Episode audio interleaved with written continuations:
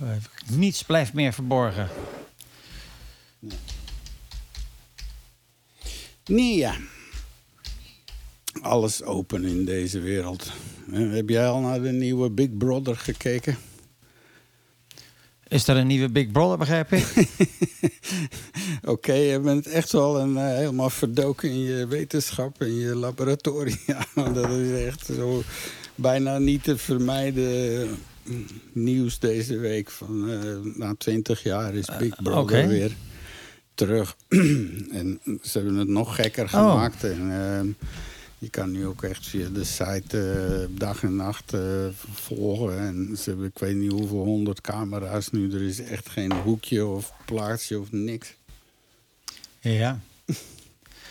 Ja, dus eh, ja, ik heb het helemaal eh, niks van gehoord. Maar ik moet ook zeggen, ik, eh, ik vind ook de tv minder en minder leuk, moet ik zeggen. Het is, het is een eindeloos. Ik, ik, moet, ik begin wat picky te worden, wat, wat, ik, wat zorgvuldiger luisteren. Begrijp je wat ik bedoel? Ja, Het is- er het is komt heel veel bagger, Het, het is echt. Het is echt kauwgom voor, voor de geest, lijkt het wel bij tijd en wijle. En het is zoals dat hele Big Brother. Ja, eh, hebben die mensen nou echt niks anders te doen? Het, het lijkt me zo, zo onvoorstelbaar, onbenullig eigenlijk allemaal. Ja, en dan Toch? eh, elkaar nomineren om weg te stemmen. Want wie wordt er uit het huis gestemd, hè? Dus ja, allemaal van die, Ja. die- Maar al die realities, die, die Temptation Island en, en al die onzin... Dus, Ja, de een naar de ja. andere. Free Love Island. En, en dan ook de mol. Hè? Dat wordt ook zo opgehaald. Terwijl dat, ik vind dat echt ramp tv. Raar Ik eigenlijk. vind, ik vind helemaal niks. ik, ik, ik heb het nooit echt gezien. Ja, maar ja, ik heb, ken wel een paar mensen die er erg fan van zijn. Dus ik heb wel eens een stukje gezien. Ik vind ook geen reet aan. Ja, Het ze er- interesseert me gewoon niet. Wat, eh, Nee. ja. Nee, wat wel bijvoorbeeld? Nou, ik heb, gisteren was er een prachtige docu, eh, The Kingdom, op, de- op VPRO. Heb je die nog gezien? Ja, Dat gaat over, eh, over de opkomst van Saoedi-Arabië, het huis van Saoed. En, Ah, ja, ja. en, vanuit, en vanuit de, de, de in stukken gehakte eh, journalist Khashoggi uit via zijn ogen kijk je dan hoe dat allemaal gegaan is en zo. Ah ja.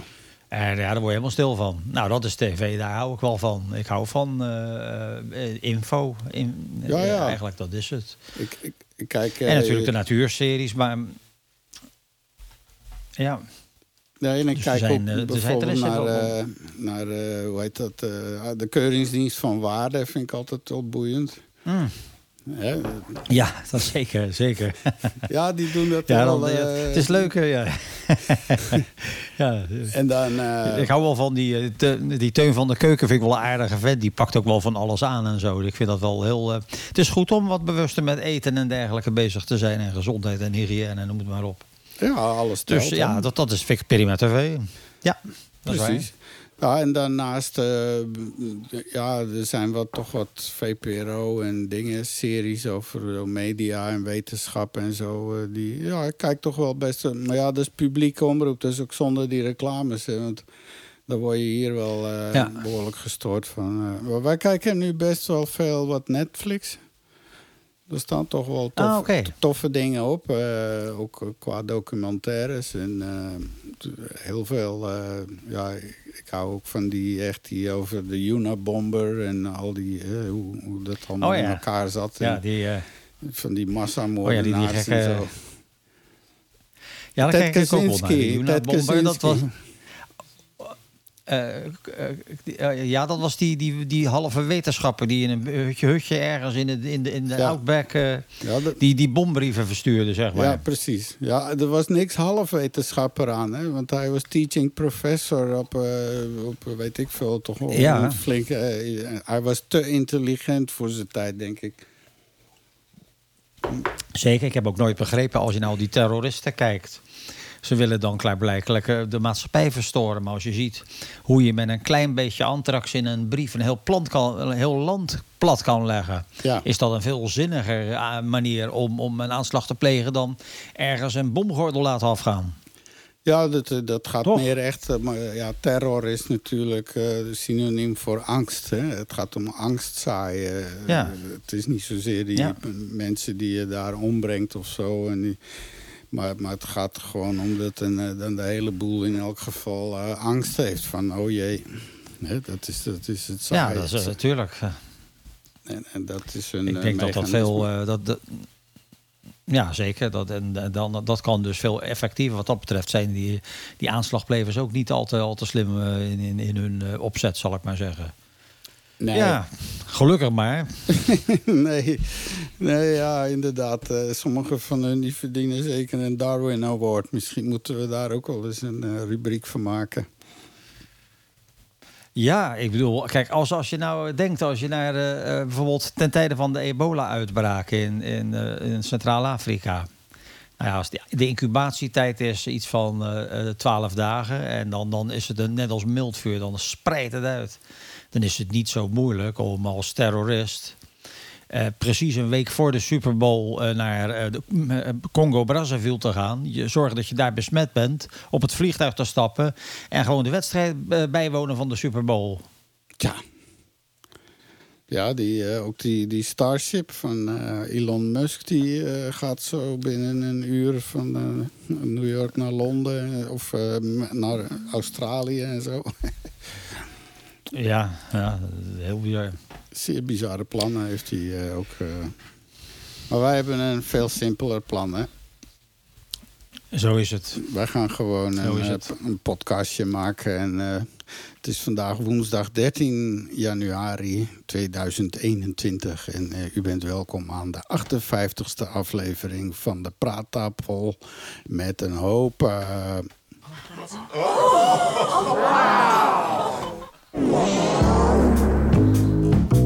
U luistert naar de Praattafel. Wetenschap op woensdag met Ossie, Ozier en Reget. Inderdaad, welkom aan aflevering 58 alweer. En eh, aan mijn eh, virtuele zijde Mario Reget uit Rotterdam. Goeiedag. Goeiedag. Welkom, eh, welkom luisteraars. Hallo Isvan. En eh, laten we er weer een leuke aflevering van maken. Ja, het is haast eh, bijna onmogelijk om dat niet te doen. Hè. Maar we gaan deze wel vlot inpakken. Eh, korte inhoud deze week. Eh, techniek van de week gaan we het hebben. Dat is plaattectoniek. Dat heeft niks te maken met oude LP's en eh, machines die daar iets mee doen of zo. Maar een heel ander verhaal. nou, tenzij je heel hard draait, dat kan het misschien nog wat eh, invloed hebben. Ja, heel veel lawaai maakt. Ja, tektonische invloeden. Ehm, vergeten Ja. wetenschapper gaan we weer in het licht zetten. Robert Hutchings Goddard. Oh ja, die naam zegt mij zeker wel iets. eh, met vuurpijlen, maar dan hele grote. Ehm, de Hele grote, Ja, de Ig Nobel gaat deze keer naar iemand die verantwoordelijk is voor 948 titels. Dat zijn titels Ja, van, van ongelooflijk. ja. Dan in de ongrijpbare mens genufobie en Lima-syndroom. U zal nooit meer eh, afvragen waar de, of dat u dat zelf heeft. en tot slot eh, aan tafel de organisme van de week, de sterneusmol. Of is het de sterneusmol? Of ster, ster, De sterneusmol. Oh ja, de sterneusmol. of de, de, ook wel de starnoostmol. Oké, de starnoosmol. eh all right. Nou, ja, ja, ja. hey, ja, we vliegen er maar meteen in. We hebben niet zoveel nieuws. Het is een beetje lam overal om me heen. Het is alleen maar corona en injectie en corona, corona, corona. Maar eh, goed, we gaan eens even wat eh, behandelen. Wetenschapsnieuws. De laatste inzichten. En daar krijgt u weer elke week van ons. Eh, nu eh, iets wat wel boeiend is. Want eh, ik kan zeggen dat mijn wederhelft van het volgende wel last heeft. En dat is het prikkelbare darmsyndroom. Ja, ik weet niet of jou dat iets zegt, Mario. Nou, dat heb ik zelf ook.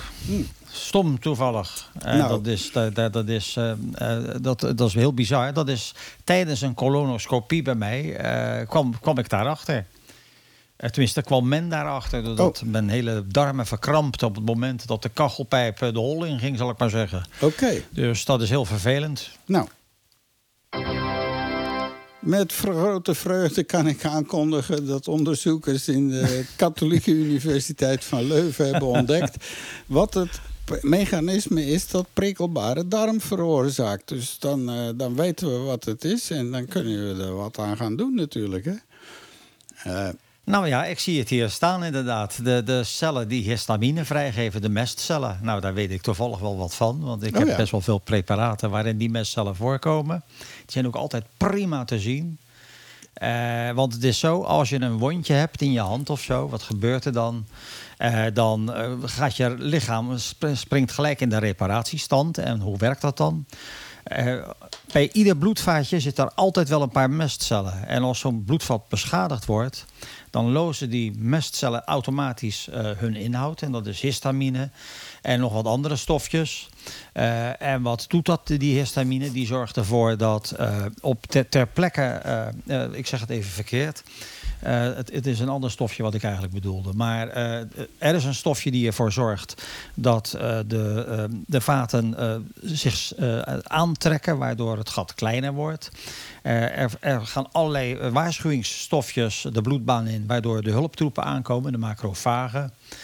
En, eh, en de histamine zorgt voor een, eh, een eh, dat weet ik eigenlijk niet meer. ik ben het even kwijt. Maar in ieder geval, ik weet, ik ken ze, ik ken de mestcellen wel. En dat is onderdeel van ons afweersysteem, zou je kunnen zeggen. maar maar hoe komen die aan die naam? Is dat gewoon mest wat die bij zich hebben? Of was dat ontdekt door een of andere meneer Mest?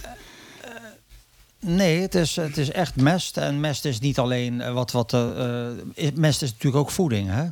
Denk maar aan je varkenvetmesten. Ja, kunstmest. Ja, ja, ja op die manier. Ah, oké. Dus, dus het is dus echt mest. Je Ja. hoort ook wel eens mastcellen in sommige boekjes. Maar eh, ja, de- en je, je kent het ook wel. Als je, als je eh, zeg maar eh, een allergie hebt, dan krijg je ook vaak antihistamine die je naar binnen krijgt. Mhm. Ik weet, oh ja, ik weet alweer waarvoor die histamine precies bedoeld is. Die histamine zorgt ervoor dat de vaten ter plekke verwijderen. Ja. Dus dan kan, kunnen de hulptroepen er makkelijker bij. En wat gebeurt er nou? Je hebt wel eens van die mensen die do- do- doodziek worden van één enkele bijensteek. En wat gebeurt er dan? Eh, dan gaan alle mestcellen, eh, die zijn allergisch voor die histamine. Dan lozen alle, eh, voor, die, voor dat bijengif, dan lozen alle mestcellen in het hele lichaam hun bloedvaatverwijdende stof. Oei. Dan, wat er gebeurt er dan? Dan zakt je bloeddruk extreem en kom je dus in een anafylactische shock. Ah, op die Dat manier. is het. Oké. Nou, dat, is, dat is Dat mooi is, uitgelegd. ja. Is, ja, eh, ik moest het even, even weer naar boven scheppen uit, mijn, eh, uit de achterkant van mijn geheugen. Maar ik, ik, ik, ik heb er eindelijk weer eh, zicht op, zou ik maar zeggen. Ja, zeker. En van die histamine, daar ken ik wel. Want ik heb jarenlang een eh, yoghurtallergie gehad. Dus als ik yoghurt had, dan eh, binnen een paar uur of een halve dag eh, later... dan kreeg ik van die geweldige eh, snui, snuitaanvallen... dat er echt gewoon een hele rol wc-papier doorheen ging... en zo'n zo'n- zo'n mand naast Oh, ja. me. Maar ja, en dan krijg je dan ook, eh, daar had je wat pilletjes voor enzovoort. Maar dat is dus inderdaad de- dat mechanisme dat door de yoghurt te eten slaan die mestcellen op tilt. En, en ik beland in Ja. een soort oeverloze niesbui. Ja, dus het is eigenlijk een, een foutje in ons afweersysteem. Dat Ja. kan soms wel eens fout gaan. Eh, dat is ook, je zou kunnen zeggen, een soort eh, auto-immuun eh, iets. Ja, zeker. Ja, en eh, toen destijds de dokter, want het werd via, ik weet niet, van die honderd prikjes allemaal, eh, werd dat een beetje vastgesteld. En dan ging het om een bepaald fermentaat wat erin zit.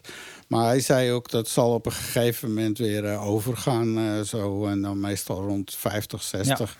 En ik kan nu weer inderdaad gewoon yoghurt eten, dus zonder problemen. Nou ja, het is, ook, het is ook wel boeiend. Het komt een beetje door zoals we nu tegenwoordig leven. Normaal is het zo dat, dat je, je bouwt je afweer op als je geboren bent. Dan heb je een soort leersysteem. eh, en, en je hele lichaam eh, leert als het ware wat zeg maar eh, niet in jou thuis hoort en wat van jou is.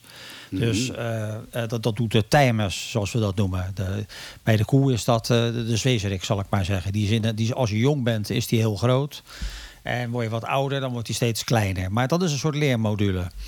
Maar ja, tegen, dus eigenlijk moeten kinderen ravotten en buiten spelen... en, en, en van alles en nog wat in Grond aanraking eten. komen. eh, zodat, Zodat ze inderdaad het systeem leert wat, wat goed is en wat niet goed is. Maar ja, tegenwoordig uh, zitten we achter dubbel glas en uh, in een uiterst ongezond uh, klimaat zo voorzichtig mogelijk te doen.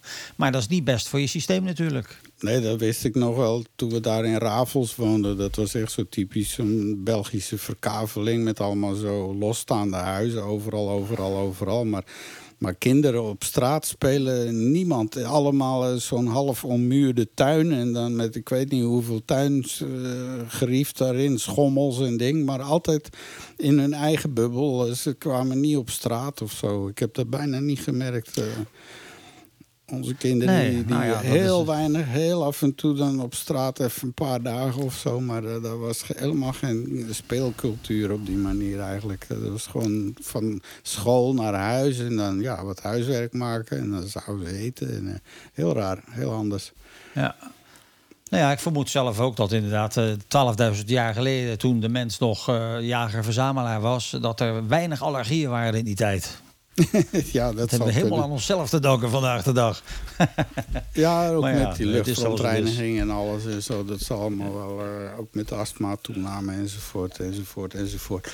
hey, uh, ja, we gaan uh, even door naar het volgende. Uit het laatste nieuws hebben we nogal wat goed nieuws gekregen. En ik zou zeggen, laten we even meeluisteren uit een live uit een mediacenter.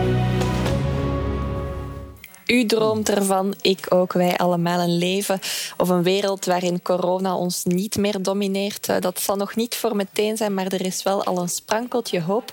Want wetenschappers die voorspellen dat corona in de toekomst eigenlijk uh, eerder een verkoudheid zal worden. Dat gaan we toch even bespreken met onze wetenschapsexpert Martijn Peters.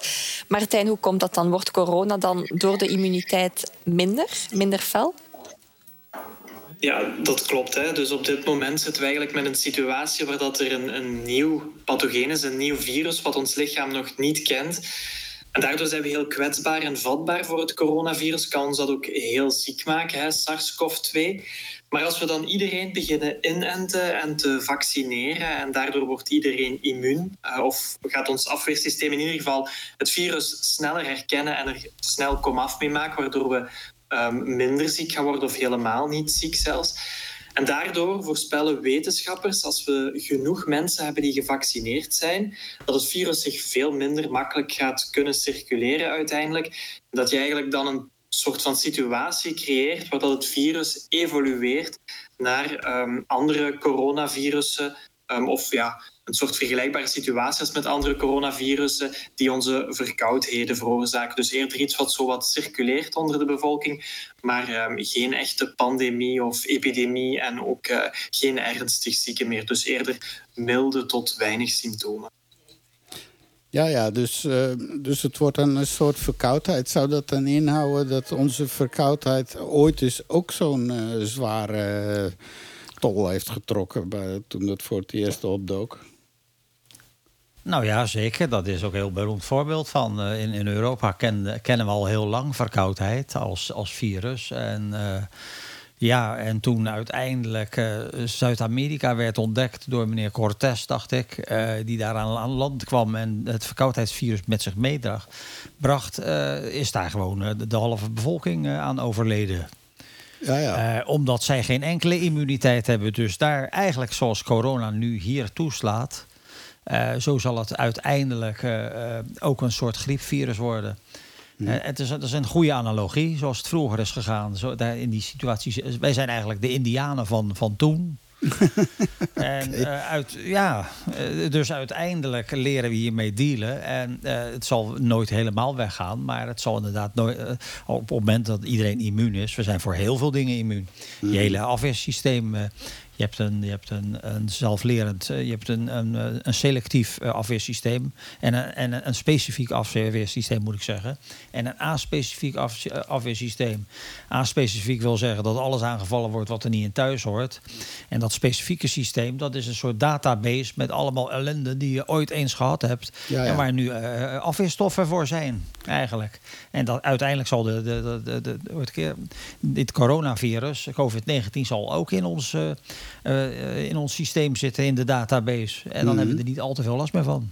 Ja, ja, oké. Tot, Dus ja. tot, tot er weer een volgende opduikt. Hè? Want hoe langer we met die beestenwereld blijven knoeien... eh, hoe, Zo is het, toch, toch, tuurlijk. hè, blijft het risico hoog. Chinezen blijven apen bestellen daar in Afrika enzovoort. Die willen gewoon Zeker. vleermuizen eten en weet ik veel wat allemaal. Ja, Dus, dat, dat, dat is één manier om, eh, om inderdaad zo'n virus eh, aan de gang te krijgen. Maar we hebben natuurlijk ook nog andere voorbeelden.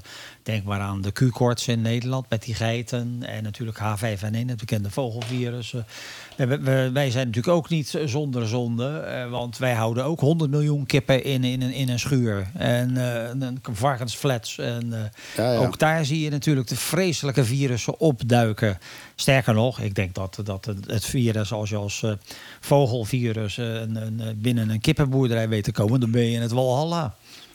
Ja, ja, Beter dat, kan je het eh, niet krijgen. Daarom zijn die beesten ook zo waanzinnig afgeschermd en zo. Want een paar jaar geleden dachten we eraan om ook misschien... eh, ja, Chef vond het wel grappig. Een paar van die kippen, zo een koortje in, een, in, in de tuin. En dan heb je zo af en toe een vers ei en weet ik veel wat allemaal. Maar toen Ja. ik dan begon te lezen was het echt wel van... ho, eh, als je binnentreedt, eh, die schoenen, dan moet je niet mee in huis. Want het stikt om die beesten heen van eh, salmonella.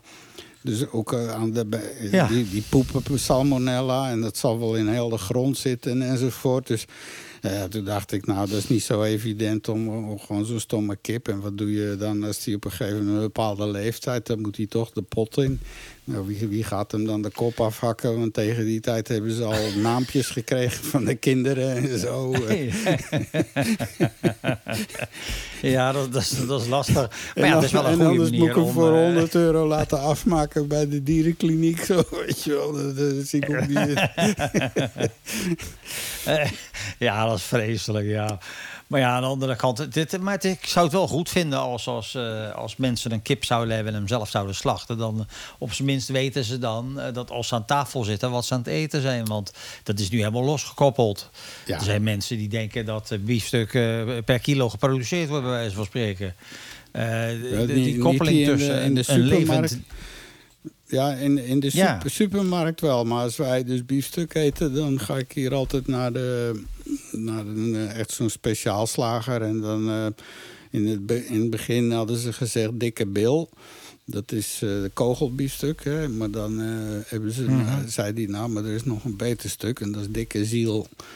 En dat is helemaal het uiteinde van die... eh, en, eh, en, ja, dat kost wel iets meer. Maar ja, we zijn maar met z'n tweeën en zo.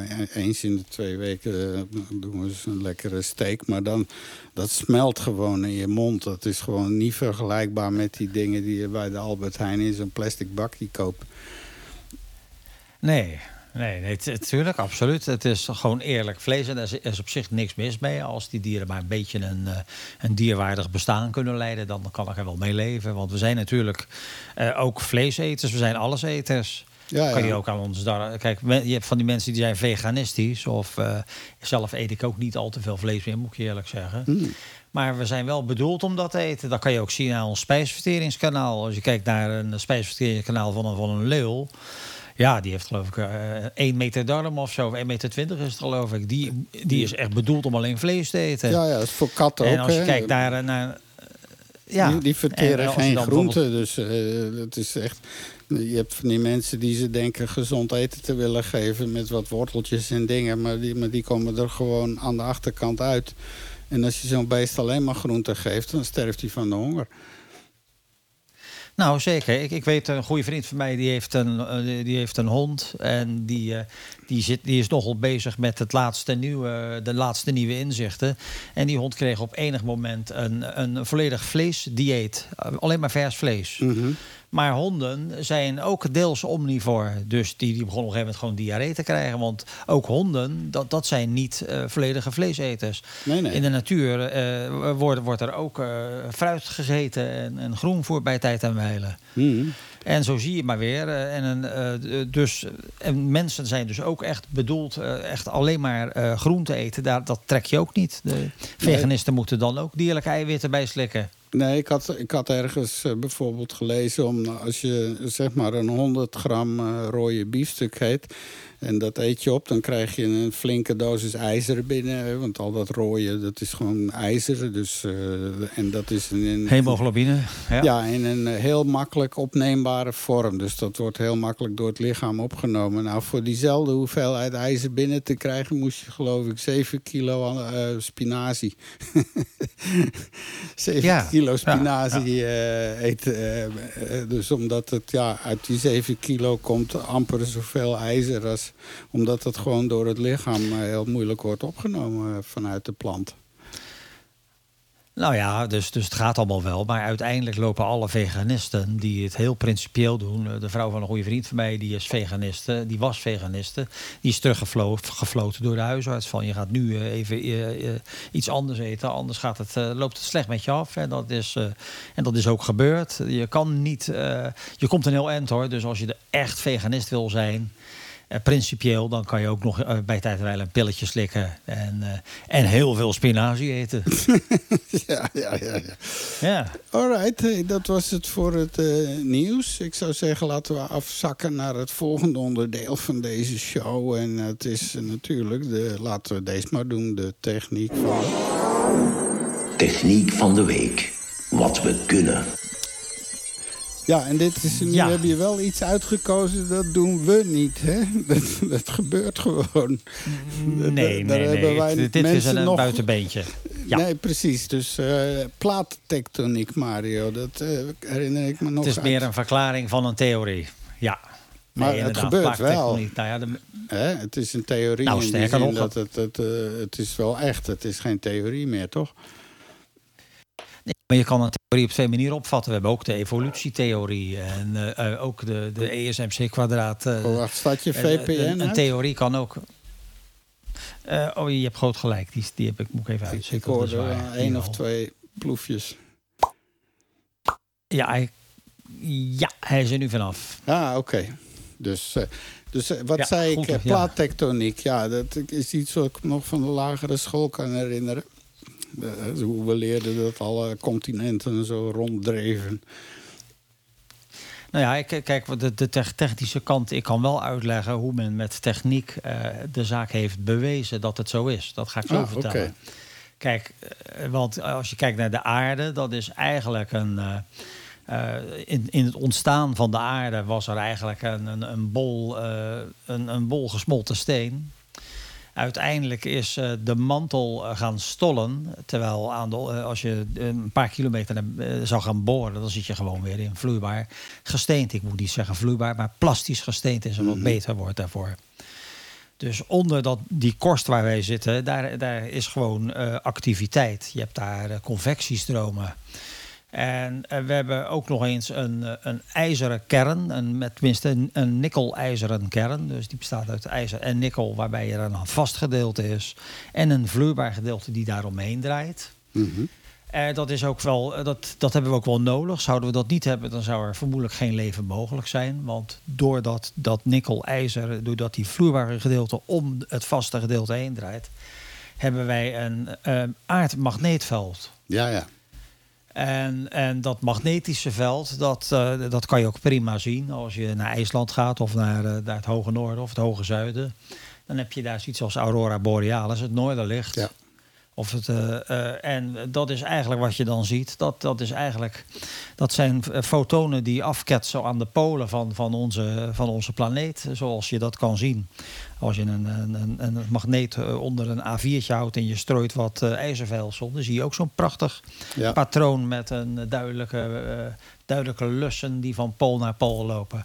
Nou, dat is eigenlijk wat je ziet met het noorderlicht. Ja, zeker. En, zouden we dat niet, en zouden we dat niet hebben, dan zouden we ook veel minder beschermd zijn tegen de, de straling van de zon. Ja, dat zal uh, waarschijnlijk geen leven, leven heel moeilijk zelfs. Ja. Nee, inderdaad. Dus die, uh, en je, daar wordt ook wel onderzoek naar gedaan. Dat noemen ze, uh, wat ik nu beschrijf, dat noemen ze ook de dynamo-theorie. En dat probeert een beetje te verklaren waarom sommige hemellichamen een magnetosfeer hebben. Uh, zo bij, het is de conductieve massa in aanwezigheid van een magnetisch veld, wat ervoor zorgt dat dat in stand gehouden wordt. En zo kan je ook zien dat eh, eh, de maan had dat bijvoorbeeld vroeger. En Mercu- Mercurius, eh, die, hebben ook een, eh, die hadden vroeger ook een magnetisch veld. Uiteindelijk is vermoedelijk de, eh, de, alles tot stilstand gekomen. En daarmee verdwijnt ook, zeg maar, die, eh, eh, dat magnetisch veld. En, en dan, eh, ja, dan, eh, is het weer, eh, dan, dan is het weer prijsschieten met al die straling van de zon. Maar goed, je hebt dus die, die eh, je hebt dus zeg maar die, wij hebben gelukkig nog wel dit, dat magnetisch veld. En we hebben dus die convectiestromen van dat magma, dat gesmolten gesteente wat daar omheen drijft, draait. In, in, in, en we hebben daaromheen een, een, aan de buitenkant zit een korst waarop wij leven. En die korst, dat kan je een beetje zien als. Die, is, die zit niet overal, eh, dat is niet één korst, maar dat zijn allemaal schijven, schollen worden die genoemd. Dat weet iedereen ook wel. Eh, en die zitten aan elkaar eh, en die worden ook nog steeds gevormd. Met name waar de korsten het dunst zijn, dat is in de oceaan. Eh, En daar vind je dan ook de, de mid-oceanische ruggen. Dat zijn dus, daar worden dus, dat zijn de naden van de honkbal, zou je kunnen zeggen. Onder water, waar nog steeds die magma opwelt en eh, stolt. En daarmee worden dus die, die platen, die schollen, worden vanwege dat opwellen uit elkaar gedouwd. Ja, ja. Dus eh, het wordt uitgedouwd. Maar dat betekent dat aan de andere kant van die school eh, de zaak omhoog plooit. Ja, ja. Zo ontstaan gebergten. Zo ontstaan gebergten. Ja. Eh, tenminste, En- en- dat is als het dus. Als het echt tegen elkaar aangaat. Eh, en je hebt dus verschillende bewegingen daarin. Als de scholen uit elkaar gedouwd worden, dan noem je dat divergent. Eh, maar eh, als, als het douwt ergens tegenaan, dus als twee platen tegen elkaar aandouwen, dan is het convergent. Ja, ja. Eh, en dat geeft nogal wat. eh, dan heb je behoorlijk veel activiteit met aardbevingen en dergelijke. En je hebt ook nog de beweging dat platen langs elkaar heen schuiven. Dat noemen ze de transversale plaatbeweging. Dat kan je bijvoorbeeld prima zien eh, bij, in Amerika bij die de San Andreasbreuk. Daar schuiven als het ware twee platen langs elkaar. Mhm. En eigenlijk is het gewoon wachten totdat je daar weer een enorme Ja, daar is- aardbeving gaat krijgen eigenlijk. Ja, daar is subductie. Hè? Dus de, de plaat die van de Stille Oceaan komt, die En- wordt langzaam onder geduwd, eh, zeg maar. In, Ja, maar dat is niet bij. Dat, Dat is een subduction. eh, die- nou, die- eh, die ik heb begrepen dat, eh, dat is de, ik heb begrepen subductie, dat is je hebt de, de, de, de oceanische plaat is, is bij de kusten zeg maar zwaarder dan de lichtere continentale plaat. Ja, en die schuift dus eronder. dat, dat dus. zorgt ervoor. Ja, en dat is dan aan de kant van eh, Mexico. Daar vind je ook de troggen. Dus de Mariana-trog is een goed voorbeeld. Daar schuift hij eronder. Maar volgens mij is de San Andreasbreuk is meer, is, is, is, is eh, geen subductie, maar eh, de, een transversale beweging volgens mij. Als ik het goed heb. Ik kan wel even opzoeken. Ja, maar ja, dat hele hebt, spel langs Californië... dat wordt eigenlijk veroorzaakt door het feit dat die Pacifische plaat eh, langzaam onder... had, ik, had ik begrepen hoor, maar, maar oké. Dan kunnen we het dan... eh, Oké, nou ja, de San An- Andreas. Want, want dat is ook onderdeel van de Ring of Fire. Want als je helemaal om de Pacifische Oceaan, dus de Stille Oceaan, hè, dan, dan- daar helemaal omheen, eh, Indonesië, Japan, eh, weet ik Zeker. veel, Hawaii. Het is, dat noemen ze de Zeker. Ring of Fire. En, en ja, ook een onderdeel. Maar dit, maar dit is toch wat anders. Als ik nu kijk, ik zie het hier staan in Wikipedia. De San Andreasbreuk is een breuklijn die van het noordeindelijk van de golf door westelijk Californië loopt. Om la- naast San Francisco de grote oceaan in te gaan. De treuk is onderdeel van de transforme plaatgrens tussen de Pacifische en Noord-Amerikaanse plaat. Dat wil zeggen dat deze platen langs elkaar schuiven. Ah, oké. Daar schuiven ze langs elkaar heen. Oké. Ja, en, dus dat is dus. eh, eh, en, en waar je dus. En aan de andere kant van Amerika heb je echt subductie. Daar schuift echt eh, de oceanische plaat onder die van. onder de, de, de continentale plaat. En daar vind je dus, zeg maar, ook vanwege het onder elkaar schuiven, die enorme troggen.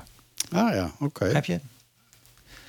Maar dat is op zich is dat, eh, de, eh, dat is best wel interessant allemaal. Want eh, bij die riggen, bij die mid-oceanische ruggen op de bodem van de zee, daar wordt dan basalt gevormd.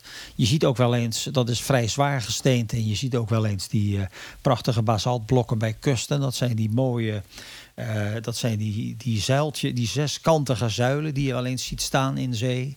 Ah ja, ja, dat is heel die- speciaal. En die worden ook daarvoor geoogst en worden ook gebruikt om uh, uh, dijken en zeeweringen te bouwen. Want dat, dat heeft al de juiste vorm gelijk. En, en, als je nou kijkt, als je dan de continenten neemt, daaronder wordt ook nieuw gesteente gevormd. Alleen aan de onderkant, dat, is, dat noemen ze dan intrusies. Dat is, en daar heb je een diep, diep gesteentegraniet. Dus wat, onder, wat in de zee gevormd wordt, dat is basalt. En wat zeg maar onder de continenten gevormd wordt, dat is graniet. Maar dat, dat, dat gaat veel langzamer het stollen dan, dan zeg maar die mid-oceanische ruggen. Dat, dat, dat duurt veel langer. Dus uh, het gesteente heeft veel meer de tijd om af te koelen. Waardoor er dus ook vele mineralen zich kunnen vormen in allerlei soorten. En dat is ook de oorzaak waardoor wij dus van die prachtige granieten aanrechten hier en daar hebben. In allerlei kleuren en weet ik het allemaal. Ja, ja. Er, en dat is dus eigenlijk, de, zo ontstaat zeg maar uh, graniet eigenlijk. Alright. Dus uh, ja, en dan, ja, de, de, de, wij zijn dus onderdeel van de lithosfeer. Dat is eigenlijk de korst. En, en, en, en, uh, en het gaat inderdaad wel eens fout. Uh, en daar hebben we de aardbevingen van. Hè. Als, kijk maar aan, soms kan het een enorme klap zijn. Er zijn een paar zitten eraan te komen die, als die zijn, komen, dan heb je een goede kans dat, dat, dat het helemaal fout gaat. De grootste klap zouden we krijgen als zeg maar in Yellowstone. Dat is eigenlijk een enorme grote krater, zou je kunnen zeggen, met heel veel seismische activiteit. Met hier en daar gijzers. Maar zou die echt uitbarsten? Want in het begin zagen ze dat eigenlijk niet. Maar het is eigenlijk het deksel van een enorme vulkaan. Zou die uitbarsten, ja, dan hebben we net als 65 miljoen jaar geleden waar de, waar de, zeg maar de dinosauriërs zijn uitgestorven. Dan zouden wij ook zo'n situatie hebben met een wereld die, die een paar maanden of misschien wel een paar jaar geen licht meer doorlaten en uitsterven en weet ik het allemaal. Ja, ja, want ze Dat- zeggen dat, goed, die, dat, die, dat die vulkaan ooit toch wel weer... eh, want er zit een gigantische magmakamer onder en zo... eh, dat, Ja. dat, dat dat toch Ja. geen uitgemaakte zaak is dat hij forever eh, zijn rust houdt. Hè? Nee, nee. Nou ja, kijk, gelukkig de, de echt grote klappen die hebben we nog wel. Maar die, dat zijn, de- die, die vinden dan ook vaak onder water plaats. Dat valt te overzien. Maar ja, denk naar, denk, kijk, neem 2011. Daar was er een zeebeving in Japan. Eh, waarbij, eh, dus denk maar aan eh, de, het- de Fukushima-toestand daar. Ja. De hele aardas is toen 10 centimeter verschoven. En Japan is eh 2,5 meter verschoven ten opzichte van de rest van, eh, van de wereld. En er kwam een 21 meter hoge tsunami over het land heen. Hè? Dus, Ja, dat dus was- dat, is, dat, is, dat dat was- is een energie. Dat was hallucinant. Het was net alsof je naar een Hollywood eh, End of Days productie zat te kijken. Dat is, het was echt... Dat is, on- dat is ongelooflijk. Ze hadden ook eh, best, het is best wel een heel veilig land. Daar hadden we het laatste over. Met, een, met hun, eh, hun kernreactoren. Die waren echt bestand tegen aardbevingen. Tegen tsunamis. eh, maar niet tegen aardbevingen en tsunamis tegelijkertijd. Nee, nee, nee. Nee, dat is toen Dus- dus dat inderdaad zwaar, zwaar schief gelaufen, zouden onze oosterburen zeggen. Dus, hey, oh, ik was even... Ja, dat is gigantisch. Ik was even mijn script kwijt, want we moeten er wel bij het script blijven. Hè? Want we gaan gauw door naar het volgende onderwerp. Plaattecto- te- Plaattectoniek, beste mensen. Je zal het nooit meer vergeten en je hoort het alleen maar hier. Vergeet de wetenschappers, we zetten ze in het licht. We zetten ze in het licht, Mario. En eh, vandaag heb je een, eh, Ja. een, een heel interessant figuur. Robert Hutchings Goddard. Hè? Dat is de, ja, de vader van de... De rakettechniek. Ja, De precies. ruimtevaart. Daar ken, Eigenlijk. daar ken ik hem nog zo van. van inderdaad, de pionier. eh, dus iedereen denkt dat Werner von Braun... maar Goddard die was hem toch wel een heel eind voor, denk ik. Ja, dat is veel vroeger eigenlijk. Eigenlijk is dat, eh, hoe zeg je dat? Eh, de, hij is geboren in 1882, hallo. Mhm. Dus die, die zat ver voor. eh, De, hij, is ook een, een nog, hij, is, hij heeft nog wel een- aan het einde van zijn leven een stukje oorlog meegemaakt. Maar het was natuurlijk een pionier. Dat is echt eh, van, van eh, ja, 18, vanaf 1882. Dus als de, hij zal eh, de turn of the century zal die volwassen zijn geweest en begonnen zijn. Dus omstreeks het jaar 1900 zo. Ja, ja. Ja, toen was er helemaal niks eigenlijk. Hij heeft wel, was wel een heel, hele slimme vent. Zijn vader was trouwens al uitvinder. En hij was ook door de boeker van Jules Verne geïnteresseerd in ruimte en ruimtevaart. En hij was natuurlijk helemaal niets. Dus ja, uh, toen is hij gaan experimenteren. Best wel heel grappig eigenlijk. Uh, hij had al heel vroeg die, die interesse eigenlijk. En uh, zijn vader die steunde hem daarin. Die, zag, die voorzag hem ook met een microscoop en een telescoop. En, en de, een abonnement op het tijdschrift Scientific American, wat je toen had. Nou, hij is naar de universiteit gegaan en hij is ook nog een jaartje bij Princeton geweest. En hij is uh, uiteindelijk, uh, om geld te verdienen, natuurkunde gaan doseren. Maar toen kreeg hij idee, uh, het idee toen kwam hij op het idee van een meertrapsraket en een vloeibare brandstofraket. Want daarvoor had je eigenlijk alleen maar raketten die, die op, met vaste, met kruid en dergelijke een, een aardig eind kwamen. Maar hij wilde dus echt kijken hoe hoog hij kon komen met, met wetenschap. Mm. Uh, en hij opperde toen eigenlijk al, dan praten we over 1919. Hè, uh, uh, toen publiceerde hij al een, een, boek. Dat heet A Method of Reaching Extreme Altitudes. Waarin hij toen al zei, 1919, dat, dat met behulp van een raket de maan kon worden bezocht. Oké. Okay. Ja, in 1919. Nou, toen moest hij nog bewijzen dat hij het kon. Dus hij heeft voor, in 23 had hij voor het eerst een raketmotor gebouwd. Die voor het eerst werkte met vloeibare benzine en zuurstof. Nou, toen uh, daarna kwam uh, uiteindelijk heeft hij een raket gemaakt met een uh, echt een vloeibare ra echte raketbrandstof die echt exclusief alleen maar voor raketten gebruikt. tenminste, dat was zijn mixture, zou ik maar zeggen. En toen kwam hij op een vlucht uit van 2,5 seconden en die legde 56 meter af. Mm. Maar je zal zeggen, wat, dat was, je zal zeggen van, wat heb je daaraan? Maar het bewijs dat hij, kon, kon, uh, dat hij van de grond af kwam, was geleverd. Ja, ja. Nou, toen, uh, heeft hij, toen heeft hij dus min of meer een beurs daarvoor gekregen. Toen is hij gaan experimenteren in New Mexico. En uiteindelijk had hij een raket ontwikkeld die 885 km per uur vloog en 2 kilometer hoog kwam. Oh nou, in 1929 had hij voor het eerst deed hij ook instrumenten in zijn eerste raket. Zoals een barometer en een thermometer en een klein cameraatje. Althans klein in die tijd. En uiteindelijk in 35, 1935 kwam zijn raket al op 2000, uh, 2300 meter. Dus 2,3 kilometer. Mm -hmm. Uh, en uh, in 1937 uh, was zijn hoogterecord. En toen had hij een raket gebouwd van 2700. Die kwam 2,7 kilometer hoog. Oké. Okay. Dus ja, het is natuurlijk eigenlijk met recht echt zo'n beetje de vader van de ruimtevaart. Want in die tijd had je verder niks. Nee, nee. Begrijp je? Nee, zeker niet. Uh, dus ter ere, dus in ter, ter ere van wat hij bereikt heeft, is er ook in het, uh, is er, heb je ook, uh, heeft de NASA ook het Space Flight Center in Greenbelt naar hem genoemd. Het, het ruimtevaartlaboratorium van NASA. Dat, dat, heet, dat is officieel nu het Goddard Space Flight Center in Greenbelt, Maryland. Dus vandaar dus deze, deze wetenschapper, die vermoedelijk bijna niemand meer kent, maar heel veel heeft betekend voor de wereld van de ruimtevaart. Ja, ja, en dit was eigenlijk ook nog, want uh, als je denkt van, goh, uh, 1919 en zo, uh, er was nog niks. Want inderdaad, het, het vliegtuig, dat was nog amper maar een paar jaar oud, hè? Want, met de gebroeders ja. Wright, met een Kitty Hawk enzovoort. Dus dat, dat was misschien net 1902, 1903 of zo. Dus ja, er waren nog amper ja. vliegtuigen. Dat waren nog allemaal dingen van uh, een beetje uh, lint en uh, doek en weet ik veel wat hout en hoop draden en zo. Dat was nog heel erg kwakkel in die tijd allemaal. Dus, en, en die Goddard, ja, ja Mr. Robert Hutchings Goddard. we zetten zeker ook een link in de show notes. Want als je bijvoorbeeld op YouTube gaat kijken... er staan heel veel video's met allemaal zijn experimenten enzovoort. En ja, dus daarom dat is even om het te kaderen in die tijd hè, waarin we waren eigenlijk.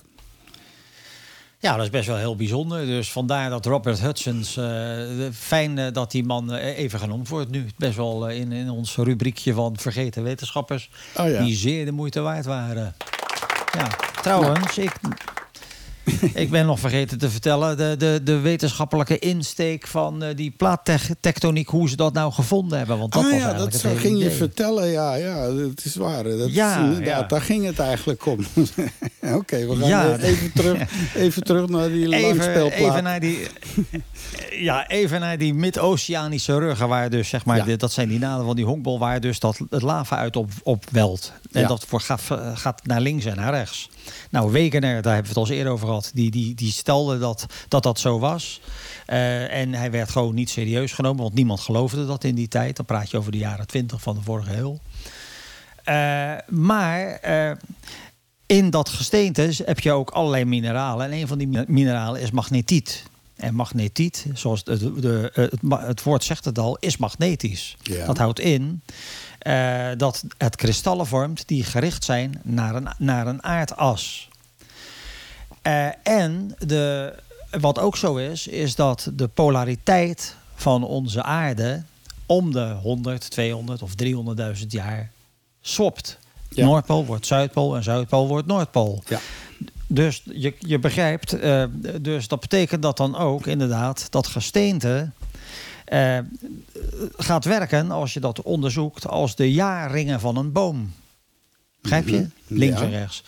Toen heeft men onderzoek gedaan. Dus toen is men gaan, eh, monsters gaan nemen in de diepzee, links en rechts van die ridge, van, van zo'n onder, onderwaterridge, waarbij dat lava Mhm. opwelt en naar links en naar rechts gaat. En toen bleek dat aan de linkerkant de jaarringen precies hetzelfde waren als die jaarringen aan de rechterkant. Oké. En toen was het bewezen. Omdat ze tegelijkertijd zo uit elkaar geduwd worden, als het ware. Nou, nee, kijk, je kan normaal zeggen van oké, er welt lava, maar eh, eh, eh, je kan niet, kijk, je, dat verschuiven, dat kon je niet bewijzen. En dat is met die jaringen dus wel gerukt, want anders is het gewoon maar steen. Ja, dat snap ik. Dus, eh, de, maar dan konden ze aan de hand van die metingen eh, zien dat het inderdaad aan de beide kanten uit dezelfde periode kwam. Dus, dus daardoor. En dat was. En dat was een serieuze wetenschappelijke doorbraak, waardoor in één keer eigenlijk alle, alle, eh, zeg maar, al het bezwaar tegen die Wegener en al die wetenschappers die er niet in geloofden, moesten allemaal met de billen bloot. Vanaf dat moment was dat een aardschok in de wereld van de geologie. En was het in één keer volledig bewezen. Ja, zeker. Dat verdient een kleine fanfare. En eh, meneer Wegener ook, die hebben we inderdaad al eens eerder behandeld. Dat was ook een, eh, een genie van zijn eigen tijd. Hè? Ja, zeker. Oké. Maar goed. hey, we gaan gewoon lekker verder, Mario. Want er leven heel wat interessante Ja. zaken naast ons op deze planeet. Zeker. Organisme van de week. Onze medebewoners op aarde. Zeker weten. En het wordt maar gekker en gekker. Want eh, als je af en toe hoort van de, die beesten... Ik zag nu wat weer van de platypus, eh, zag ik langskomen ergens. Oh ja, dat? In de Ja. New York Times weer. eh, zijn ze er toch mee bezig of zo. Ehm, eens even kijken. Ja, de, de sterneusmol. nee. Nee. Nou, dus, dus, de- de- de- het is echt een alien. Als je hem ziet, denk je van, wat is dit nou? Er zit iets aan zijn neus, dat moet ik even wegkrabben. Maar die neus is dus zo. Het is dus echt een mol met aan zijn, aan het, zijn neus eindigt in een soort gefriemel. Dat zijn, om precies te zijn, eh, wat was het? Iets van 22, ah ja, het zijn 22 tentakeltjes die als een ster aan het flapperen zijn aan zijn neus als je hem ziet. Je denkt, wat is dit nou in vredesnaam? Maar dat is ook precies wat het beest zo ongelooflijk bijzonder maakt. Want er is verder geen enkel ander dier in de hele evolutie te vinden die deze eigenschappen heeft. Eh, die die neus heeft, eh, die dingen kan, die, eh, die dus ui- zeer uitzonderlijk zijn. Vandaar wordt hij ook de sterneusmol genoemd. En om te beginnen, wat heel bijzonder is, het is het snelste etende zoogdier op aarde.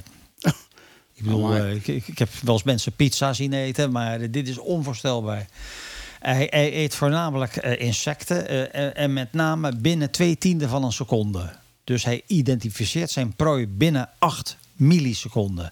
En dat kan eigenlijk alleen maar omdat hij een extreem efficiënt zenuwstelsel he- heeft. Dat nagenoeg zo snel werkt eh, dat de neuronen in zijn zenuwstelsel de maximale snelheid benaderen. die neuronen fysiek überhaupt kunnen bereiken. Maar- Begrijp je wat ik bedoel? dus, dus, de, de, de, dus die lijntjes zijn zo ongelooflijk kort dat die razend en razendsnel is. Oei. Nou, en verder, die, die sterneus, dat zijn dus, zoals ik al eerder zei, dat zijn 22 uh, tentakeltjes die hij gebruikt om zijn voedsel te identificeren. Want uh, dat beest uh, heeft eigenlijk alleen maar die neus, want verder, hij ziet geen reet. hij, is, zo, hij heeft wel ogen, maar die zijn gewoon niet functioneel. Je zou kunnen zeggen eigenlijk dat hij gewoon blind is. Want die leeft ook onder de grond. Ja, en in het water. Dus okay. hij zwemt heel veel en hij heeft zijn eigen hol onder de grond enzovoorts enzovoorts.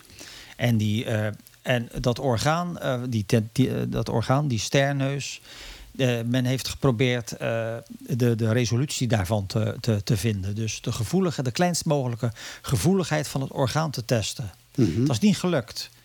Uh, en dat heeft hij, uh, en dat, uh, ze konden dus niet uitvinden bij welke druk het orgaan stopte met waarnemen van die druk. Maar dat die gevoeligheid, dat, dat, dat heeft te maken met het feit dat het helemaal bomvol zit met zenuwvezels. Dat zijn er meer dan 100.000. Dat zijn er meer dan vijf keer zoveel als dat er in een menselijke hand zit. Terwijl het orgaan zo groot is, dat, het orgaantje is kleiner dan een vingertop. Begrijp je wat ik zeg? Dat is dus, dat is dus onvoorstelbaar. Dus dat, dat, die neus, dat is, een, dat is een bizar ding gewoon. En als je dat sterretje ziet, in het midden zit dan uh, de aanraakfovea, noemen ze dat. Wij hebben ook een, dat is het meest gevoelige plekje. Wij hebben ook een fovea, die zit in ons oog. Dat is het plekje op je netvlies waar je het scherpst ziet, waar je dus mee leest. Dus de, dus ja, ja. de focus van jouw aandacht, dat is de fovea. Nou, dat is dan bij dat beest, uh, zeg maar, geëvolueerd tot dat belangrijkste plekje in het midden van zijn neus. Heel bizar. Mm -hmm. Dus, uh, dus uh, uh, ja, dat is eigenlijk, eigenlijk heel bijzonder. Ja. Daarnaast, hij jaagt ook in meren. Hij, hij, hij vraagt, hij, je vindt hem eigenlijk over het algemeen in de buurt van meren. en daar, hij heeft tunnels die uitmonden in die meren. Dus hij zit ook onder de grond. En hij jaagt af en toe ook op kleine visjes. Hmm.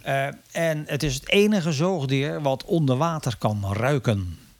Ach. En hoe doe je dat? Uh, uh, omdat hij dus niks ziet en hij, hij heeft dat tastorgaan, maar dat is het. Maar hoe, hoe vindt hij dan een prooi die wat verder weg is? Hij ademt lucht uit, dan krijg, heb je een luchtbel. Dus die gaat door dat water heen en die slurpt die gauw weer naar binnen. Die ademt hij weer naar binnen. Waardoor zeg maar, de buitenkant van die luchtbel langs zijn uh, uh, olfactorische orgaan gaat. Zijn neus zou je kunnen zeggen. Ja, ja. Dus hij ruikt aan de luchtbellen die hij die, die dus zelf uitpoept en uh, laat, laat borrelen. Zuigt hij weer naar binnen. En weet daarmee inderdaad of er kan dus ruiken of er een, een dier in de buurt is wat, wat, wat voor hem de moeite waard is om op te jagen. Oh my god. Die moeten ze inzetten dus, voor dus drugsopsporen of zo.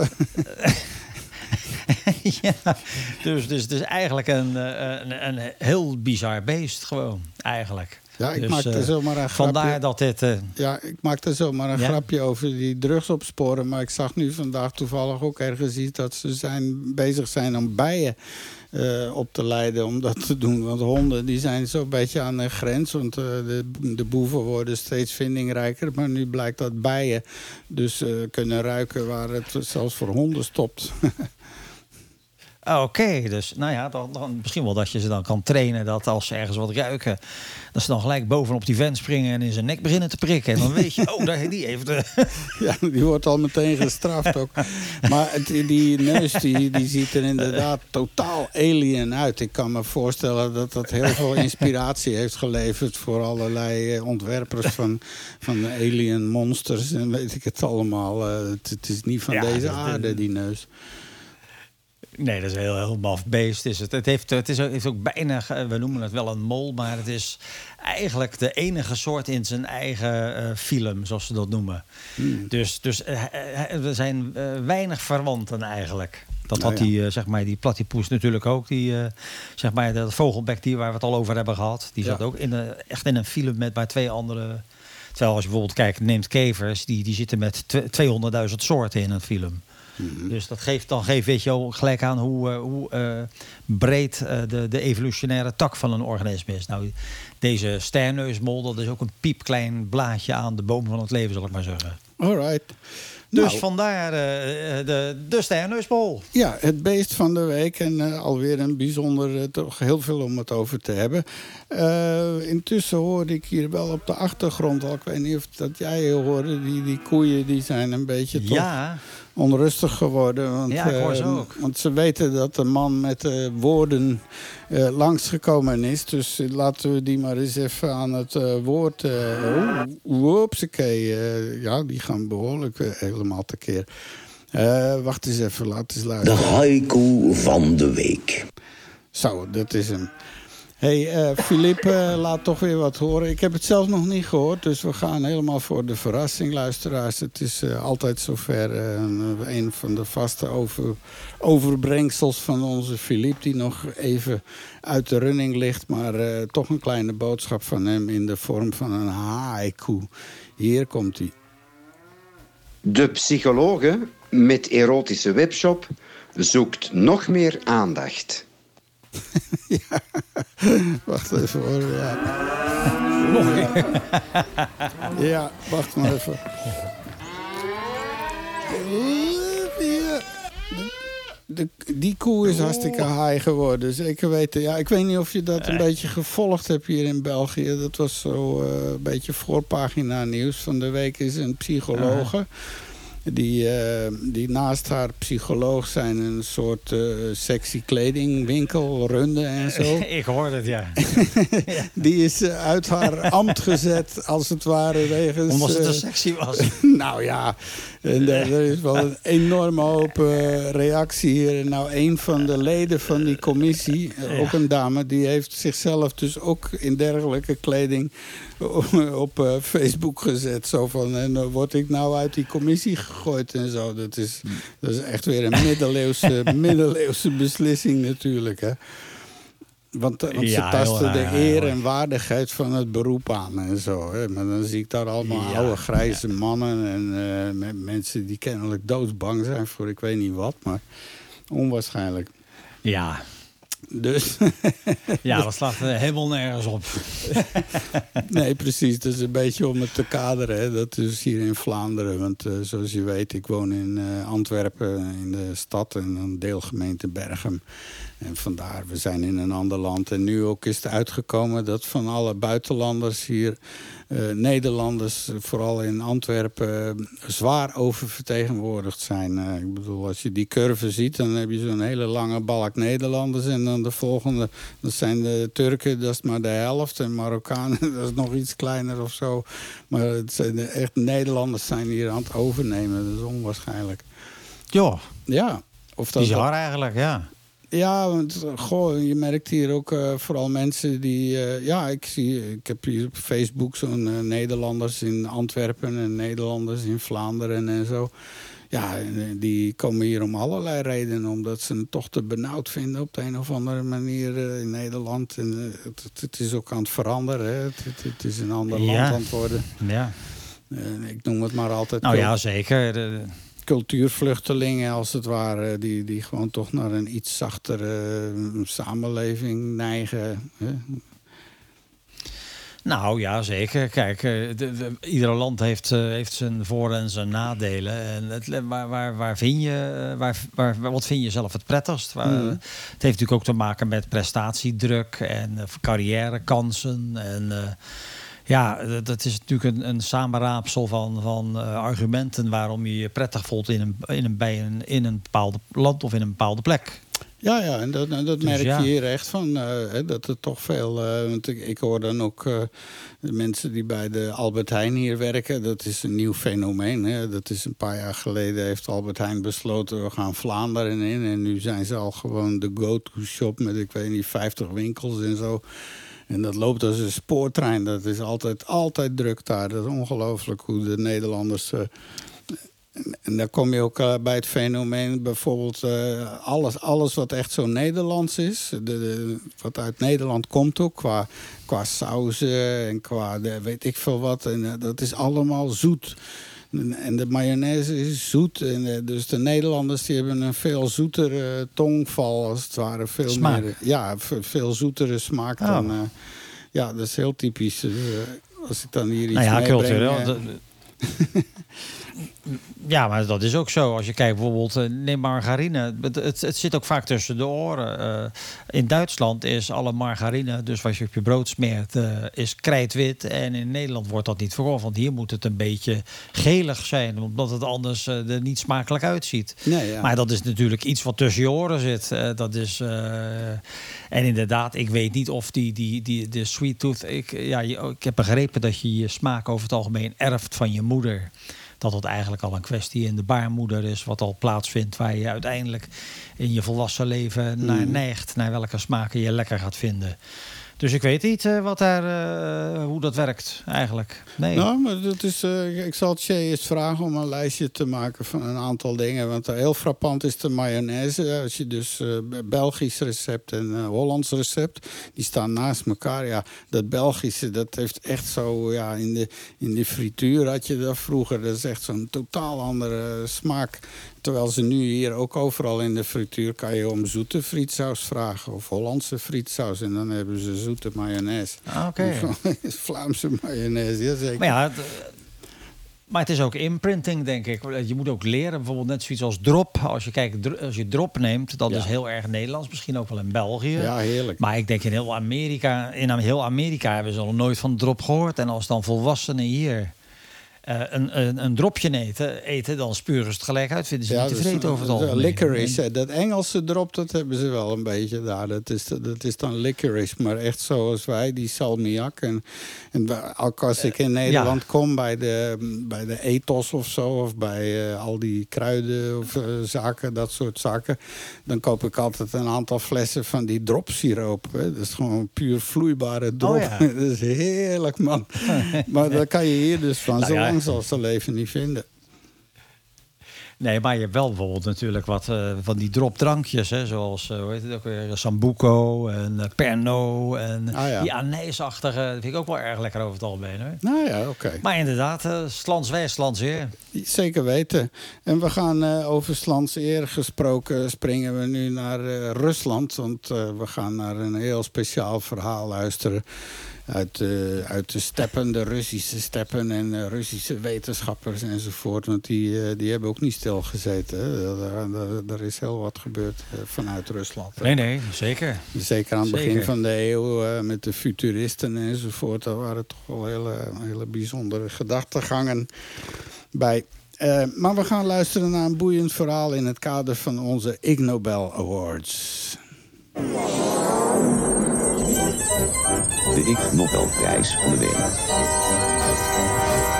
De Ig Nobelprijs voor de literatuur is toegekend aan Yuri Stroegkov, onstuitbare auteur van het Instituut van Organo-Elementaire Verbindingen in Moskou, voor het publiceren van 948 wetenschappelijke artikelen tussen 1981 en 1990, wat gemiddeld meer dan 1 per 3,9 dagen is.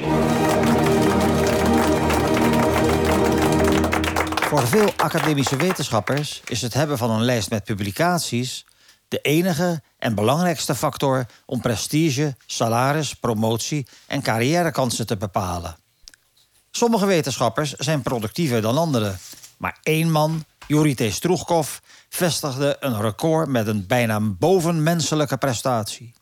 In een periode van tien jaar schreef hij meer, veel meer onderzoeksrapporten dan iedere andere wetenschapper op aarde. Yuri T. Stroegkov was directeur van het Instituut van Organo-Elementaire Verbindingen van de Wetenschappelijke Academie in Moskou. Hij was een van 's werelds grootste kristallografen. Een kristallograaf gebruikt een röntgenapparaat om foto's te maken van kristallen. In de 20e eeuw was dit een van de belangrijkste en krachtigste technieken waarmee scheikundigen inzicht konden krijgen in de structuur van complexe moleculen. Menig scheikundige is geroemd en geëerd en soms onderscheiden met de Nobelprijs dankzij het gebruik van kristallografie om de scheikundige geheimen van moeder natuur te ontrafelen. Maar toch was Yuri Stroegkov, ondanks zijn reputatie onder medekristallografen, tot 1992 feitelijk één grote onbekende voor de rest van de wereld. In dat jaar gebruikte David Pendlebury van het Instituut voor Wetenschappelijke Informatie in Philadelphia de enorme database met wetenschappelijke citaten van het instituut om te kijken welke wetenschapper in de periode van 1981 tot 1990 de meeste wetenschappelijke artikelen had gepubliceerd. De onbetwiste winnaar was de weinig bekende Dr. Stroegkov. 948 onderzoeksrapporten noemden Yuri T. Stroegkov ofwel als auteur ofwel als co-auteur. Gemiddeld verscheen er uh, gedurende die hele periode iedere 3,9 dagen een nieuw artikel van Stroegkov. Bijna al deze artikelen gaan over kristallografie en voor bijna alle artikelen geldt dat Stroegkov staat vermeld als een van meerdere co-auteurs in plaats van enige auteur. In 1985 was hij bijvoorbeeld co-auteur met Batsanov, Ginsburg en Setkina van het intrigerende traktaat Basicity of Metal Carbonyl Complexes. 19, Substitution and Reaction with Electrophiles.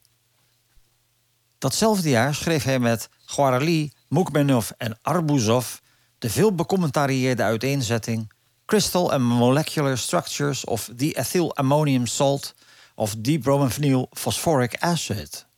Daarnaast schreef hij met Egorov, Kolesnikov, Antipin, Sereda en Nefkadov Structure of delta tetramethyl dimethyl octane, the first example of germacyclopropene. Dit zijn natuurlijk slechts drie van de circa 90 artikelen die hij dat jaar samen met anderen schreef. En in 1985 was er maar één jaar uit een periode van tien. Vermeld moet worden dat Stroegkofs zegentocht ver voor 1981 begon en doorging tot ver na 1990.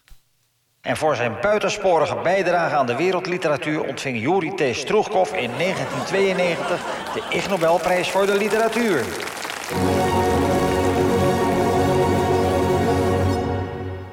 De winnaar kon of wilde niet bij de Ig Nobelprijsuitreiking aanwezig zijn. Yuri Stroegkov bleef in een gepassioneerd tempo wetenschappelijke artikelen publiceren. Stroegkov overleed in 1995. Een in memoriam in het tijdschrift Acta Crystallographica berichtte dat hij alles bij elkaar meer dan 2000 wetenschappelijke artikelen had gepubliceerd. De auteur van het in memoriam verwonderde zich over de productie van Stroegkov en waagde te gissen naar diens motivatie. Je kunt je afvragen wat de drijfveer van Yuri was om zoveel te publiceren. Wat was de motivatie die hem niet toestond zijn missie eenvoudiger te maken? Zijn belangrijkste argument om zich niet aan te sluiten bij de Communistische Partij was zijn grote toewijding aan research, waardoor er nergens anders tijd voor overbleef. Hij had het gevoel dat er geen andere keus was dan keihard werken, vandaag harder dan gisteren en morgen nog veel harder. Hij werd pas in 1988 onderscheiden met de gouden A.N. Nesmejanov-medaille en werd ook pas in 1990 benoemd tot corresponding member van de Wetenschappelijke Academie. Dat is één mogelijkheid. Een andere werd geopperd door westerse wetenschappers die goed thuis waren in de situatie in de USSR. Apparatuur voor goede kristallografie was er nauwelijks in de Sovjet-Unie. Er werd beweerd dat Sovjet-wetenschappers die zich bezighielden met kristallografie de apparatuur van het Instituut van Organo-elementaire Samenstellingen van de Wetenschappelijke Academie mochten gebruiken. Als tegenprestatie moesten ze dan op het moment dat ze hun resultaten konden publiceren een bepaalde naam aan de lijst met co-auteurs toevoegen. Hoewel Yuri T. Stroegkov overleed in 1995, bleef hij wetenschappelijke onderzoeksrapporten publiceren. Zo werd er in 1998 een rapport aangeboden aan het tijdschrift Organometallics, dat in 1999 werd gepubliceerd. Stroegkov wordt vermeld als de zevende van negen co-auteurs. Het is slechts één van de vele mede door Stroegkov geschreven artikelen die na zijn dood verschenen. De productie van Weilen Stroegkov gaat zelfs na de eeuwwisseling onverminderd verder.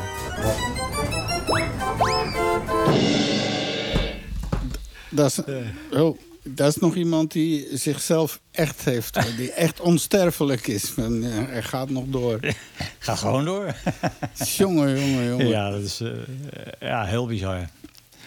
Maar ja, het is Rusland, hè. Klaarblijkelijk uh, werkt dat zo. Het is dan toch een beetje, uh, ja, hoe zeg je dat? Handjeklap en dingetjes regelen. ja. Dingetjes regelen. Sommige dingetjes kunnen ook wel eens ontregeld raken. En dan vooral onder ons hersendak. En eh, daarom gaan we nog eens even een bezoek brengen aan de DSM. Dat is dat eh, dikke boek met alles wat er maar mis kan gaan in ons eh, brein. De ongrijpbare mens. Een blik in het brein. En daar eh, richten wij ons nu weer op. Eh, hij heeft er weer een paar gevonden, een paar aardige. Wat is genufobie, Mario? Nou, weet je dat niet? Dat, dat- dan ben je gewoon doods en doodsbang voor knieën. Ken, je dat niet? het bestaat dus. Er zijn dus mensen die als de dood zijn voor knieën. Die dus, eh, die zal je niet gauw in een, in een korte broek of in een kort rokje zien. eh, en die gewoon naar worden van het zien van knieën. Eh, en het is ook.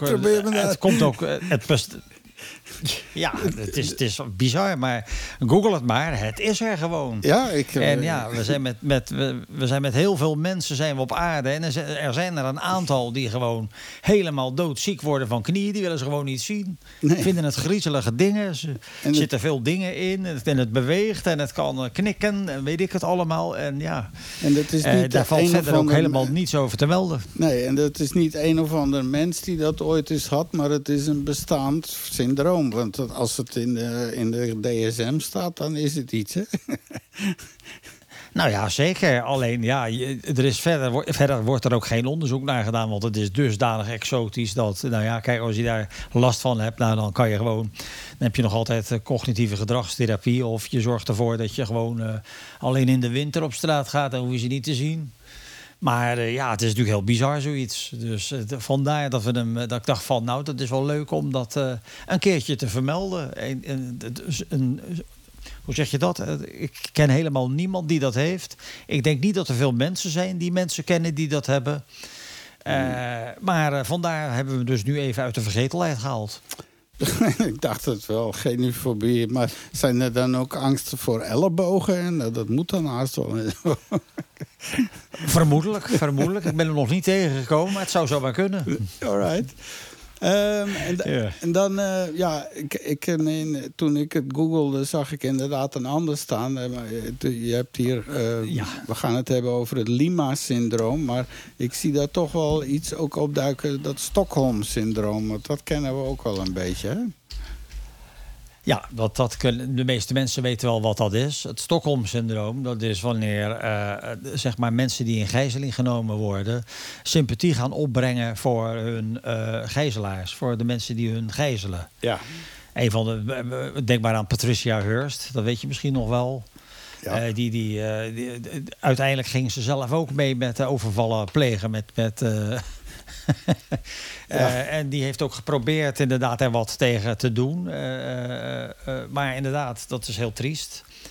En ja, wat, ook, wat, wat je ook gelijk in gaat vinden als je dat googelt, is Natasha Campus. Die ontvoerd was door, door een of andere werkeloze mafkees. En nadat ze dus ont, weet ik, dat ze de, op het moment dat ze zeg maar vrij was, liet ze ook duidelijk blijken dat ze echt behoorlijk wat sympathie had voor haar gijzelnemer. Dat is natuurlijk heel bizar. Haar hele leven is verziekt.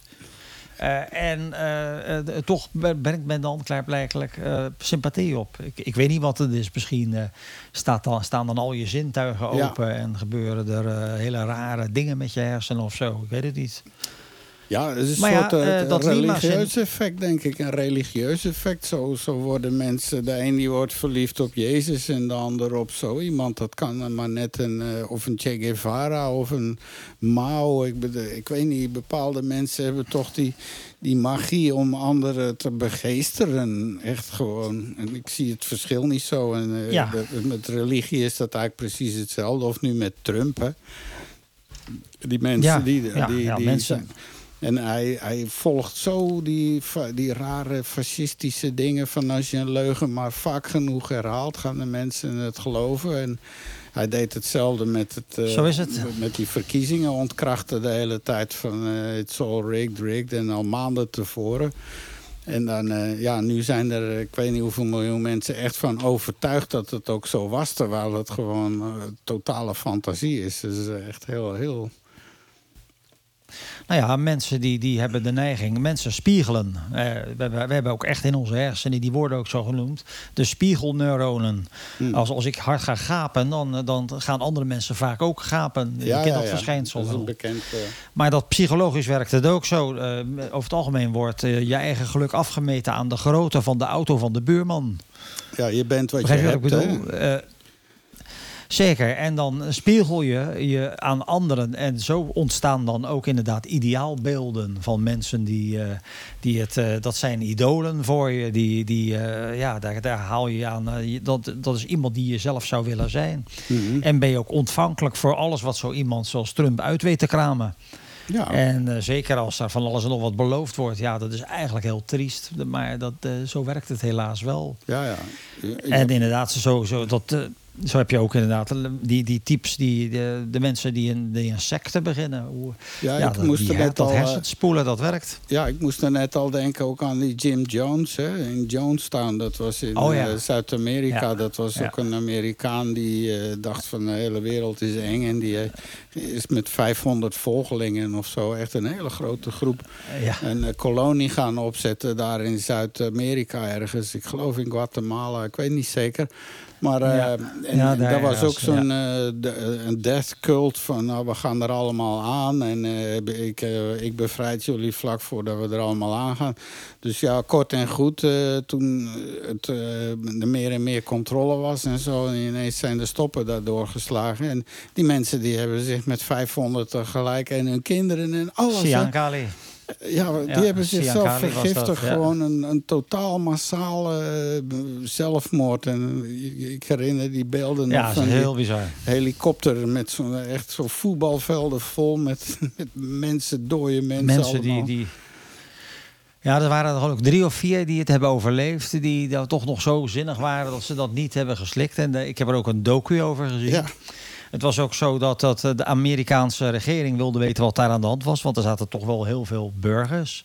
eh, dat, eh, met een Amerikaanse nationaliteit zaten daar. En toen is er ook een of andere, wat was het, een, een senator of zo, is daarheen gegaan. Ja, precies. En die kwam in en die kwam, die ging kijken en die werd met liefde ontvangen. En die had ook echt het idee van nou wat hier gebeurt. Die mensen die, die zitten in, in de hemel. Want iedereen was vriendelijk en zo. Ja. Dus hij was al bij helemaal om. Toen liep hij terug naar zijn helikopter. Toen kreeg hij gauw nog een papiertje in zijn hand gedouwd van een meisje.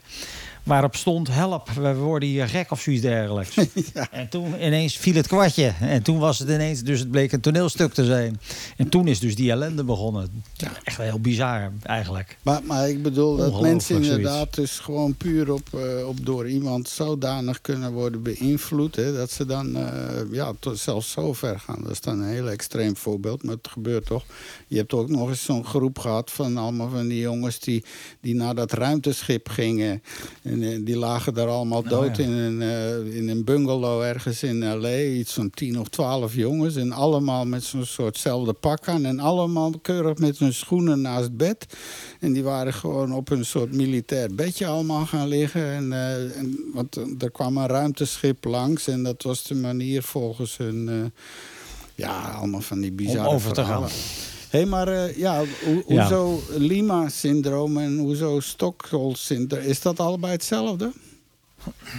Nou nee, eh, bij het, het Lima-syndroom is dus eh, omgekeerd. Oh, Dan dus bij het Stockholm-syndroom worden de mensen die gegijzeld worden... gaan sympathie opbrengen, opbrengen voor hun ontvoerders. voor de boeven. En bij het Lima's, eh, voor de boeven. En bij het Lima-syndroom is het andersom. Dus dat zeg maar de boeven eh, sympathie gaan opvatten voor degene die ze gegijzeld hebben. En dat Ah, is ja. bijvoorbeeld gebeurd met een gijzeling in de Japanse ambassade in Lima, vandaar de naam. Dus daar werden dus liet de gijzel, gijzelnemers, die lieten ook diverse mensen vrij. Eh, eh, omdat ze steeds meer sympathie begonnen te krijgen voor wat ze die andere mensen eh, hadden aangedaan eigenlijk. Hmm. Ik zeg het even verkeerd, maar ze- begonnen sympathie te krijgen en hebben dus heel veel van die mensen gewoon vrijgelaten. Dus dat hele principe van, van het is eigenlijk het omgekeerde Stockholm-syndroom. Je hoort er niet zoveel van, want over het algemeen zijn het natuurlijk nare mensen die dat soort dingen doen. Maar het komt dus voor. Oké. Ook weer genoeg om er echt een, naam aan te geven. Een, een benoemd syndroom. Ja, ja, absoluut. Alright. Dus eh, ja, er is niet, verder niet veel van te vermelden, maar het is, het, eh, het is een, een wetenswaardigheidje. Nou ja, maar het is toch interessant om te weten. Want zoals ik, ik heb dat nooit geweten. Ik, ik wist wel van een Stockholm-syndroom. Maar eh, dat er een omgekeerde versie van bestaat, ja, dat is, dat is nieuws hoor, voor mij. Ja, ja. Nou ja, eh, er zijn vele fobieën helaas. Ja, ja, en er is een heel dik boek vol. En ik denk dat we daar nog wel wat interessantigheden uit kunnen putten. Uh, dat is Ongetwijfeld. Het, en uh, daar hopen we bij leven en welzijn en gezondheid u nog uh, vaak toffe dingen uit te kunnen brengen. We naderen het einde van alweer een behoorlijk volle praattafel. We zijn toch, ja, toch wel een dikke uur en een kwartier bezig geweest. Hè? Zo vliegt de tijd als je het naar je zin hebt. Time flies when you're having fun, zo is het. Ja, daarom, als je hier een prettige ervaring bij gehad hebt... van oeh, dat uh, luistert wel prettig. Ik zou zeggen, hell, spread the word. Laat het ons weten, laat het de mensen weten. Deel ons op Facebook, whatever. Op Spotify kan je ons... Ik weet niet of je daar... Ik weet niet eens of dat je daar... Ja, je kan iets liken natuurlijk, hè. En ook op ja. Apple en uh, Android podcasts zijn we heel blij als we wat uh, waardering krijgen. Dat helpt alleen maar, zeker als je hiervan genoten hebt en er nog meer van wil. Dus ik zou zeggen namens mij hier uit Bergen is het van Lelossi. Ik, ik verafscheid mij van deze aflevering, de 58ste alweer. En heb jij nog een mooi slotwoord voor de mensen? Nou, ik uh, wens iedereen uh, verder een fijne avond of dag wanneer je het ook luistert. En uh, blijf vooral gezond. En denk goed na. Ik zou zeggen, tot, hopelijk tot gauw. Alright. Ik dank u ook. En ik zou zeggen, op naar de 59ste. En voor iedereen een fijne week in gezondheid en voorspoed.